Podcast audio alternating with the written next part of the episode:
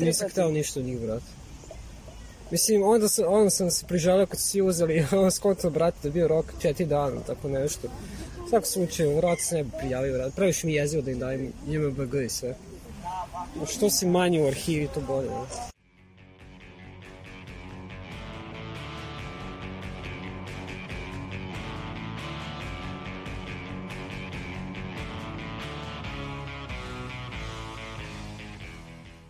Slušate novo izdanje podcasta Reaguj, nezavisnog društva novinara Vojvodine. Podcast koji vam donosi priče o solidarnosti i životu ljudi u ogledalu društvenih i političkih događaja u Srbiji. Mi smo Aleksandra Bučko, Sanja Đorđević i Iva Gajić. Slušate nas na računaru, pametnom telefonu i drugim pametnim uređajima koji su živote u izolaciji za vreme pandemije koronavirusom učinili za nijansu lakšima. U ovoj epizodi govorit ćemo o ubrzanoj digitalizaciji koju je uslovilo vanredno stanje, o bezbednosti ljudi i podataka na internetu. Pandemija i vanredno stanje omogućili su nam da vidimo koliko su nam računari i internet konekcije neophodni. Škole su, osim na televiziju, prešle i na digitalne platforme koje kao ni stvaran svet ne moraju biti najbezbedniji. Emina Bejković iz Nacionalnog kontakt centra za bezbednost dece na internetu govori o tome sa kojima su se sve problemima susretali za vreme vanrednog stanja.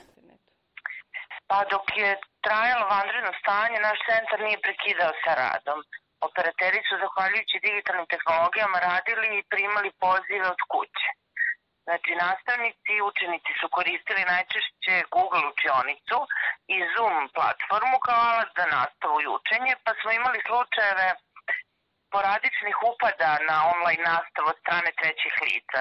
Znači, dešavalo se, na primer, e, da e, u te e, online, u tu online nastavu upadnu poznati youtuberi kome, na primjer, neki učenik dao šifru za ulazak ili se postavljao neki neprimereni sadržaj u te Google učionice ili video snimak E, takođe pisale su se neprimereni, e, pisali su se neprimereni komentari za nastavnike. E, imali smo slučaj zloupotrebe ličnih podataka i mailova učenika koji su e, neophodni za pristup digitalnoj nastavi. E, takođe, e, bilo je dosta poziva i pitanja roditelja koji se odnose na zaštitu e, koji su pitali u stvari kako da zaštite svoju decu na društvenim mrežama.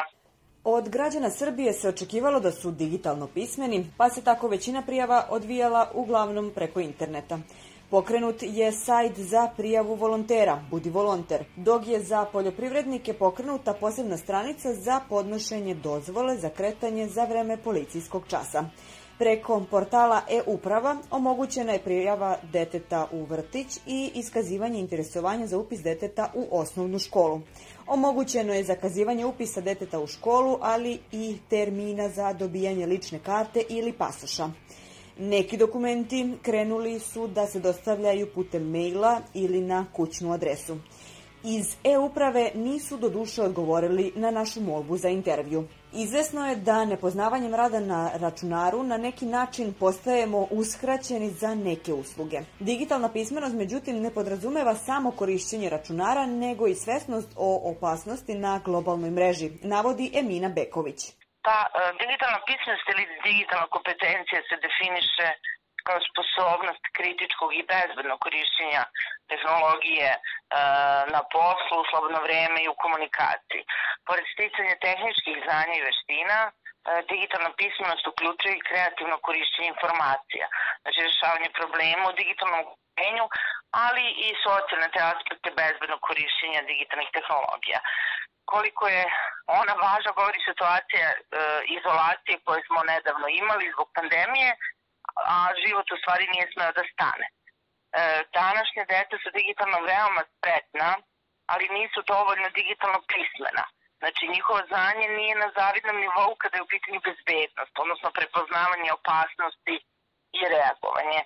I digitalna pismenost jeste jedna od ključnih veština neophodnih za život u 21. veku, i zbog toga u mnogim zemljama uključena u nastavni program formalnog obrazovanja. Znači, kada je reč o Srbiji, mi od 1. septembra 2017. godine imamo da je informatika i računarstvo postao obavezan predmet u petom i šestom razredu. S druge strane, e, naravno, potrebno je, kako sam pomenula, raditi na edukaciji e, roditelje, pojačati njihove, u stvari, digitalne kompetencije. Naš kolega Nemanja Stevanović razgovarao je sa Bojanom Perkovom iz Share fondacije, čiji je fokus između ostalog upravo bezbednost na internetu. Nemanja, šta kaže on? Perkov se slaže da je digitalna pismenost od ključne važnosti. Međutim, ne može se očekivati od svih korisnika da znaju sva svoja prava. Dakle, mora da se vodi računa o tome da postoji, jel, to, to se sada kaže na engleskom privacy and security by default i by design, ali možemo da kažemo uh, nekako to najjednostavnije slušalcima da, da prevedemo na neki razumljiv jezik jeste da svaki informacioni sistem mora od početka mora zapravo da bude zamišljen i dizajniran tako da u obzir uzima zaštitu privatnosti korisnika i samu bezbednost sistema kao i da ima ovaj uh, snažna ta da kažemo uh, osnovna podešavanja i da se zapravo to od starta sve primenjuje i da vi nemate posle neke reakcije kada pokušavate ono da, da kontrolišete štetu i šta ja znam jer često ume da bude i kasno. On dodaje da ljudi, kao ni u stvarnom svetu, nisu najoprezniji, pa tako svoje podatke ostavljaju na dohvat ruke onima koji bi ih mogli zloupotrebiti. Nekada se to govorilo kao eto to je neki svet tamo na internetu, mi sad tu ove, imamo priliku svašta da radimo i nekako se to razdvajalo od fizičkog sveta koji nas okružuje. A to je danas, dakle, već u 2020. godini, dakle, duboko u 21. veku, e, ja bih rekao malo arhaičan pristup, jer jednostavno ne možete danas da odvojite e, digitalno od fizičkog, odnosno fizički od digitalnog sveta, oni su e, oni koje egzistiraju i prožimaju se dakle zajedno i prosto praktično su i, i neodvojivi u današnje vreme. I onda ljudi često tako ne razmišljaju prosto ovaj, o nekim stvarima koje inače znaju, dakle, što, koje se tiču jel, razgovora sa nepoznatim ljudima, davanja jel, podataka nepoznatim ljudima na ulici ili preko telefona ili tome slično, ali valjda je, ne, mislim, ne, ne znam kako to da objasnim, da li je to neka psihološka stvar ili nešto, ali ljudi često eto tako misle, pojavilo se nešto na internetu i hajde mi to da isprobamo, da vidimo šta se dešava, da prethodno ne obrate pažnju recimo da li uopšte, da, da li postoji bilo kakva politika, odnosno obaveštenje o privatnosti na tom sajtu. O opasnostima koji vrebaju na mreži i na koji način se od njih mogu zaštititi kako deca, tako i odrasli mogu da se informišu upravo na internetu. Emina Beković iz Nacionalnog kontakt centra za bezbednost dece na internetu objašnjava kako. Inače, o pravilnoj upotrebi bezbednom korišćenju interneta i novih tehnologija deca, ali roditelji mogu da se na sajtu www.pametnobezbedno.rs Tu mogu pronaći sve korisne informacije i savete kako da pošalju svoju kako da poboljšaju u stvari svoju digitalnu pismenost, ali i tehničko upustva o primjeni mera zaštite e, na internetu. Još jedna od stvari koja se digitalizovala jeste i prijava za jednokratnu pomoć države radi sanacije štete nastale tokom pandemije COVID-19. Za građane bez internet konekcije ostavljena je mogućnost prijave putem telefona, ali je omogućena i prijava online. U prvih 5 sati prijavilo se milion građana, dok se ukupno 4 miliona prijavilo za 10 dana. Navao je ministar financija Siniša Mali na svom Instagram profilu. Paralelno sa najavom dodele pomoći, mnogi stručnjaci su upozorili na moguću zloupotrebu digitalne baze. Ako je verovati navedenim podacima, kada se oduzme oko 2 miliona penzionera i primaoca socijalne pomoći koji nisu morali da se prijavljuju za pomoć i ako se oduzme još oko milion dece koji nemaju prava na ovaj vid pomoći, dobit ćemo da se jako mali broj zapravo nije prijavio. Naš sagovornik koji je žele da ostane anoniman je jedan od njih. Nisam hteo ništa njih, brate. Mislim, onda sam, onda sam se priželio kad su svi uzeli, on skonto, brate, da bio rok četiri dana, tako nešto svakom slučaju, vrat se ne bi prijavio, vrat. Praviš mi jezivo da im dajem JMBG i sve. Što si manji u arhivi, to bolje. Da je strah od arhiviranja podataka, odnosno pravljenje baze, delimično opravdan, govori Bojan Perkov iz Share fondacije. Pa opet bih rekao da, da sve zavisi od toga kako će onaj kome smo ostavili podatke, odnosno e, kako će država dalje postupati sa tim. Dakle, da li će se ti podaci obrisati? Mi smo dobili najave da, da hoće, dakle da će ti podaci biti obrisani kada se i cel, cela ta baza, jer prosto svrha je ispunjena i mislim nema nikakvog smisla i zakonski jednostavno kada se neka svrha izvrši, podaci više nisu potrebni i nema nikakve ovaj, svrhe dalje čuvati te podatke. Tako da to je, to je jako važno da ono što se priča javno i što se najavljuje, da dakle ne ostane samo na, na rečima, nego i zapravo da se primeni. E sad tu ovaj, možemo samo da, da čekamo da vidimo šta će da bude. To je dakle van našeg domašaja trenutno rekao. Bivši poverenik za zaštitu podataka o ličnosti, Rodoljub Šabić, deli strepnju sa Bojanom Perkovim o mogućnosti zloupotrebe podataka. Da se odrazumemo, ja ne kažem da su te zloupotrebe izvesne, ali jednostavno moguće su i uvek se treba trujiti, dakle, da se kreira situacija u kojoj su šanse da budu zloupotrebljene što manje. Ovde je dakle bilo potpuno nejasno čemu sad uopšte to prijavljivanje. To je objašnjeno, objašnjeno na jedan, slobodno mogu reći, neozbiljan način. Dakle, to je objašnjeno jednom, jednom onako političkom floskulom da su, bože moj, nekakvi tajkuni ismevali tu akciju, tvrdili da neće primiti novac, pa eto sad treba da se prijavi ko hoće, ko neće. To je naravno više struko nelogično. Na kraju, prvo to je neozbiljan razlog, zašto biste vi zbog grupe tajkuna, ne znam koliko tajkuna uopšte može biti u siromašnoj Srbiji, ali zašto biste vi zbog jedne grupe ljudi maltretirali više miliona ljudi. Dakle, ako ste već hteli da pitate nešto, onda ste mogli da pitate ko neće, a ne ko hoće. Takve bi, dakle, i to je na kraju krava i praksa pokazala, bila puno puno manje. Prema zakonu o zaštiti podataka o ličnosti, obrada informacija o osobi dozvoljena je samo u onoj meri u kojoj je to neophodno. Odnosno, ne sme se uzimati više podataka od onih koji su potrebni da bi se obavio proces zbog koga je prikupljanje baze pokrenuto.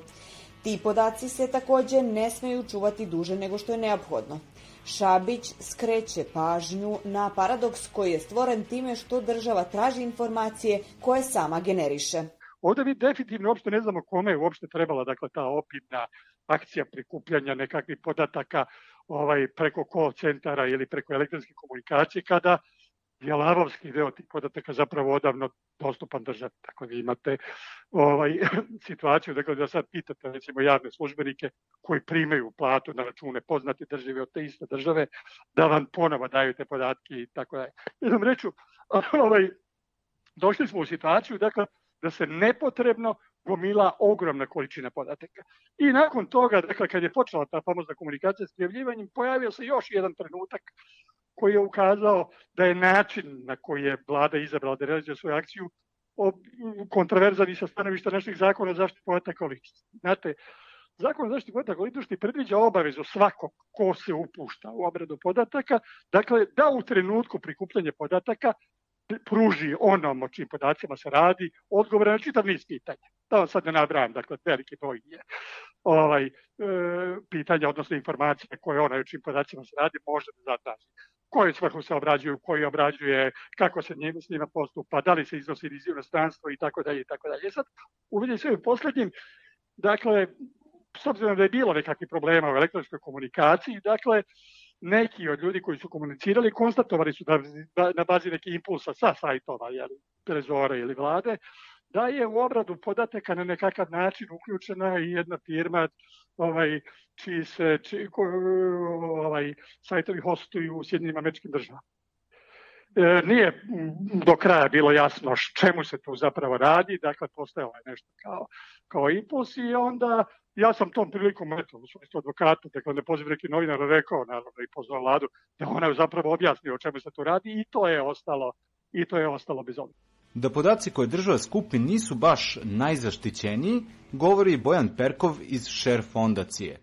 Ne možemo nikada da budemo e, sigurni, a u svakom slučaju videli smo u nekim prethodnim situacijama da su, da su se dešavali incidenti kada je država pravila o te određene velike baze i neke informacijone sisteme koji su bili namenjeni prikupljanju i obradi podataka o ličnosti građana.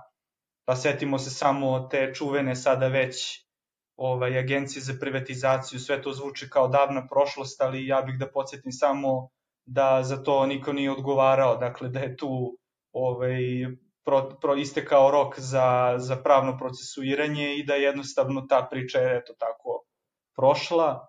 E, takođe imali smo situaciju sada sa informacionim sistemom COVID-19, dakle informacioni sistem gde su se beležile informacije ovaj, u vezi sa, sa pandemijom i šer fondacija je slučajnom pretragom otkrala, otkrila da su ovaj, login podaci, dakle korisničko ime i lozinka, bili dostupni na web sajtu jedne zdravstvene institucije 8 dana, što je obično dovoljno da se to kešira u Google i da te informacije i kasnije kroz Google Cache e, budu dostupne. Naravno, mi smo obavestili odmah po saznanju nadležne organe koji su promptno reagovali jel, u, u celoj toj situaciji, ali dakle nekako sa, u, uvek je to nekako pitanje te neke reaktivne politike umesto e, preventivne politike. Lakše je sprečiti nego lečiti. Prevencija zloupotrebe ličnih brojeva građana mogla je da se postigne na dva načina, navodi Rodoljub Šabić. Jedan, dakle da obim podataka svede na najminimalniju moguću meru, već sam opisao kako je to bilo moguće. Dakle, ako ste se upustili obraju podataka 6 miliona ljudi, da biste i pitali da hoće, da li hoće i njih skoro toliko upravo rekao da hoće, to znači da ste s pitanjem da neće, ko neće, mogli da se bavite obranom podataka neuporedivo manjeg broja ljudi, a samim tim i smanjite rizik ovaj odgovarajuće mere. A druga priča je zapravo što ne znamo ko, koje mere vlada konkretno preduzela. Ja sam rekao ne znam ko su ti ljudi koji rade u call centrima, ko, u kojoj meri su oni edukovani, u kojoj meri su osposobljeni, u kojoj meri su odgovorni prema podacima ličnosti, nemamo informacije o tome, nemamo čak ni informacije, malo pre rekao bi o tome da li je eventualno obreo poteka ličnosti ovaj, e, uključen i neko iz inostranstva, što bi imajući vidu postoji propis ove zemlje mogla da bude kršenje zakona i tako dalje. To su sve odgovori, razumete, na koje, ovaj, na koje koje bi trebalo da da onaj koja akciju organizova, to je vlada. Međutim, bojim se da će po našem dobrom običaju ovaj, dakle, akcija biti završena, stvar gurnuta, gurnuta pod tepih. Ali kakvi su efekti te pomoći? Da li stvarno može da sanira posledice epidemije? Finansijska injekcija može da omogući kakvu takvu revitalizaciju domaće privrede, jedino ako se ta sredstva potroše u Srbiji, smatra diplomirani ekonomista Nemanja Čugalj. Pa a, najbolji način da, da ih potrošimo jeste da ih potrošimo za domaću, e, za domaću potrošnju. Dakle, za kup, kupovinom domaćih proizvoda. Jer šta se dešava? A, ako posmatramo makroekonomski, država je dala tih 400, 4, daće 400 miliona eura fizičkim licima. E sad, tih 400 miliona svako od nas e, ko dobije 100 eura, mi ćemo otići u shopping centre, kupovati stranu robu. Dakle, mi ćemo tih 100 eura dati strancima, koji će kasnije tih 100 eura izneti iz zemlje samo mali deo od tih 400 miliona, govorim ukupno, tih 400 miliona eura, ostaće u zemlji kroz vidove poreza koje te firme plaćaju kroz tih ovaj, plaćanje zarada zaposlena. Dakle, to je jako mali iznos koji će ostati u zemlji. Bilo bi najbolje kada bi se tih 100 eura trošilo samo na domaću proizvodnju. Međutim, domaća proizvodnja je jako mala. Osim na ulaganje u domaću privredu, ovim novcem se može uraditi još jedna dobra stvar – Marko Stančić, građanin je koji se prijavio za pomoć od 100 evra strane države, ali će ih dati u humanitarne svrhe. Taj njegov potez je, kako kaže, posledica bunta prema vlasti, koji je posle vanrednog stanja jači nego ranije. Odlučili sam se na potez da 100 evra koji se država svima da nam da, da doniram u humanitarne svrhe, to je da vidim kome u ovom trenutku to najpotrebnije, jednostavno spreman sam se tih para, prostog razloga što mi se rekli niste previše mudro, zato što mi malo vi previše muka ovih populističkih mera vlade, gde oni uspeli da politizuju, ama baš sve čak i u vreme ovog virusa su uspeli da svaku svoju meru, svaki svoj potez dovedu do te mere da, da, da, da biva absurdno, da se sve svodi na skupljanje nekih jeftinih političkih poena, tako da ja sam u principu sam za taj neki mali doprinos koji u stvari posledica tog nekog bunta prema svim tim njihovim merama i potezima koji su besmisleni, koji su krajnje onako populistički. Tako da, a i, i mislim, jedan bitan razlog je što su definitivno morali, ako se odlučili da ljudi neke pare da izvrše mnogo da kažem, adekvatniju raspodelu, to je da jednostavno daju novac ljudima u zavisnosti od toga koliko kome potrebno. Tako da jednostavno meni, daleko od toga da meni tih 100 evra ne bi, ne bi značilo, ali definitivno mislim da nekom treba više nego meni. I eto, jednostavno, to je neki moj mali doprinos da kažem da sam uradio nešto, a ne da sam samo pričao i da sam samo ono, da ti kažem, brbljao na, na, na tu temu kako, kako mi ne odgovara i kako sam protiv svega toga što oni radi. Nemanja Čugalj objašnjava odakle dolazi sav taj novac. Tih 100 eura to su u stvari, što bi naš narod rekao, to su naši novci.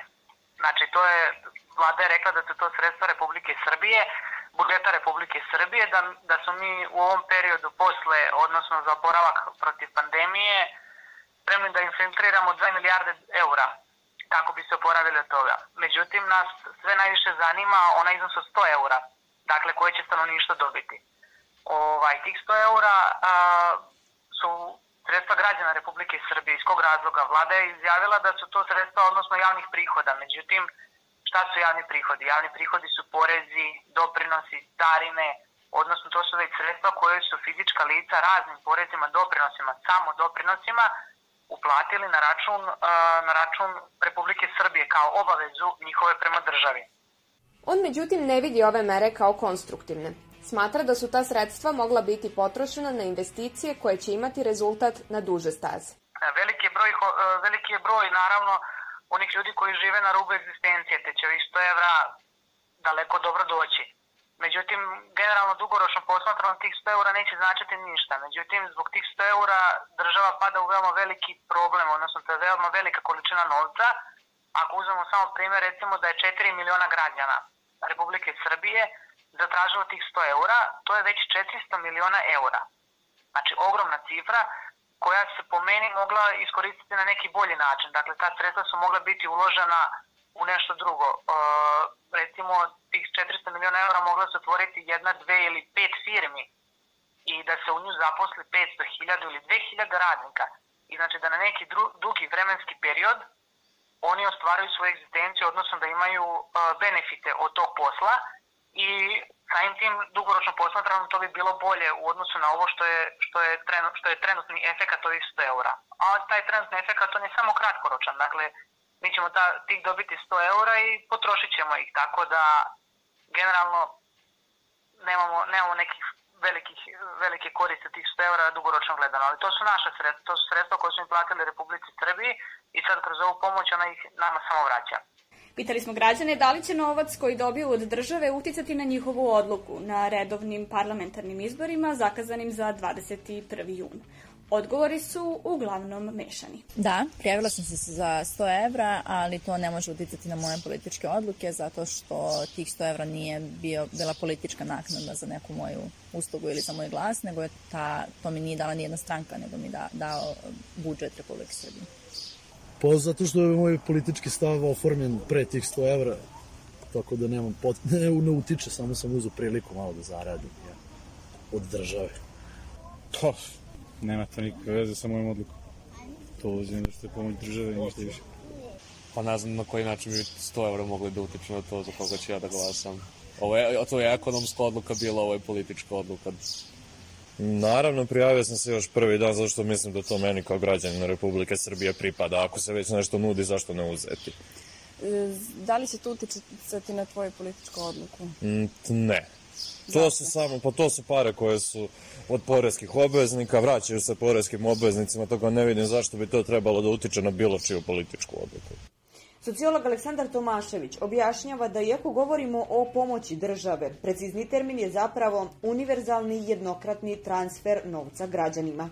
Dodaje da je važno naglasiti da je pomoć univerzalna i nije usmerena ni jednoj određenoj kategoriji građana kao takva je izuzetno redka, a pored Srbije na ovu meru pomoći građanima odlučile su se još dve zemlje, Singapur i Hong Kong. A ako hoćemo da govorimo o efektima, moramo da pođemo od, od namere, odnosno šta je bio cilj te pomoći, što nije jasno definisano, nije lako definisati upravo zbog toga što je reč o univerzalnoj meri koja otprilike da nema jasan cilj, dakle kome ona pomaže i na koji, i na koji način. Može se reći dakle, da, da jedna stvar došla u fokus a, prilikom i cele pandemije, ali naročito i prilikom i formulacije i implementacije različitih a, programa pomoći ili podrške, podrške stanovništvu. A, a možemo da počnemo od, od najjednostavnijeg a, pitanja, odnosno problema koji se nametnuo a, u javnosti nakon što je najavljena najavljena ova mera. Dakle, prvu dilemu i prvu nejasnoću koju smo imali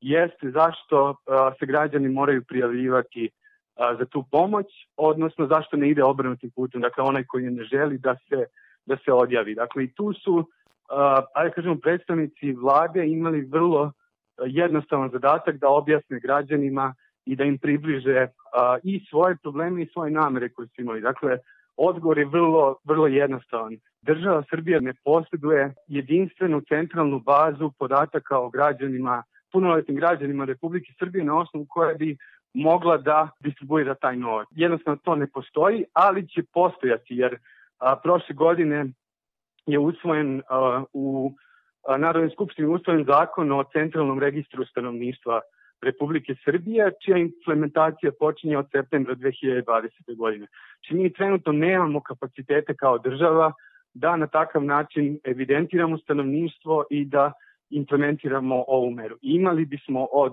septembra, ali trenutno nemamo i zbog toga što nemamo, a, sada i decenijama unazad građani moraju da učine određeni napor da se, da se prijave za ovu vrstu pomoći. I dakle, to je, to je cela priča. Umesto toga mi smo dobili potpuno nejasnu komunikaciju, dakle i potpuno nepovezanu priču o tome kako postoje, ne znam, prekuni u Srbiji koji ne žele ovu pomoć ili postoje oni koji a, iz nekih političkih razloga ne žele ovu pomoć i zbog njih, dakle zbog njihovih interesa, država onda preduzima ovakav način implementacije, što je potpuno, em što nema smisla, em što je pravi odgovor, odnosno istiniti odgovor mnogo jednostavniji i razumljiviji građanima. Na pitanje da li ovu meru možemo da posmatramo i kao populističku zbog predstojećih izbora, Tomašević za reaguj kaže da ova mera pomoći građanima ima različite efekte i da postoje različiti slojevi stanovništva među kojima su i oni kojima ta pomoć ništa ne znači. Zbog toga će imati i malo uticaja na njihovu odluku kada su u pitanju predstojeći izbori. S druge strane, i to jeste najosjetljivije političko pitanje kada govorimo o socijalno ugroženim, ugroženim građanima, ali onda taj, taj uticaj društvene ili socijalne pomoći na, na politiku, dakle nije specifičan za, za, ovih, za ovih 100 evra. Isto bi bilo, recimo, a imali smo dakle i u a, brojnim prethodnim izbornim ciklusima, dakle povećanja plata, povećanja penzija, jednokratna pomoć penzionerima, a, povećavanje socijalnih izdavanja, dakle da li kratkoročnih, da li dugoročnih, a, pred, pred same izbore. Tako da je ovo jedan instrument dakle, koji je, a, ima istu, istu funkciju, dakle, ali jeste na neki način neki način nov i dakle možda kada su pitanje socijalno ugroženi građani, dakle tu uvek imamo opasnost, dakle kada država bilo kakve redistribucije a, novca i financija vrši u cilju socijalne zaštite neposredno pred izbore, uvek se postavlja pitanje da li je to na neki način pritisak ili pokušaj političke manipulacije prema prema socijalno ugroženim kategorijama stanovništva, dakle i to nije izolovan slučaj ni u ovom izbornom ciklusu, niti je specifičan samo za Srbiju. Dakle, to je uvek osetljivo političko pitanje u svim društvima.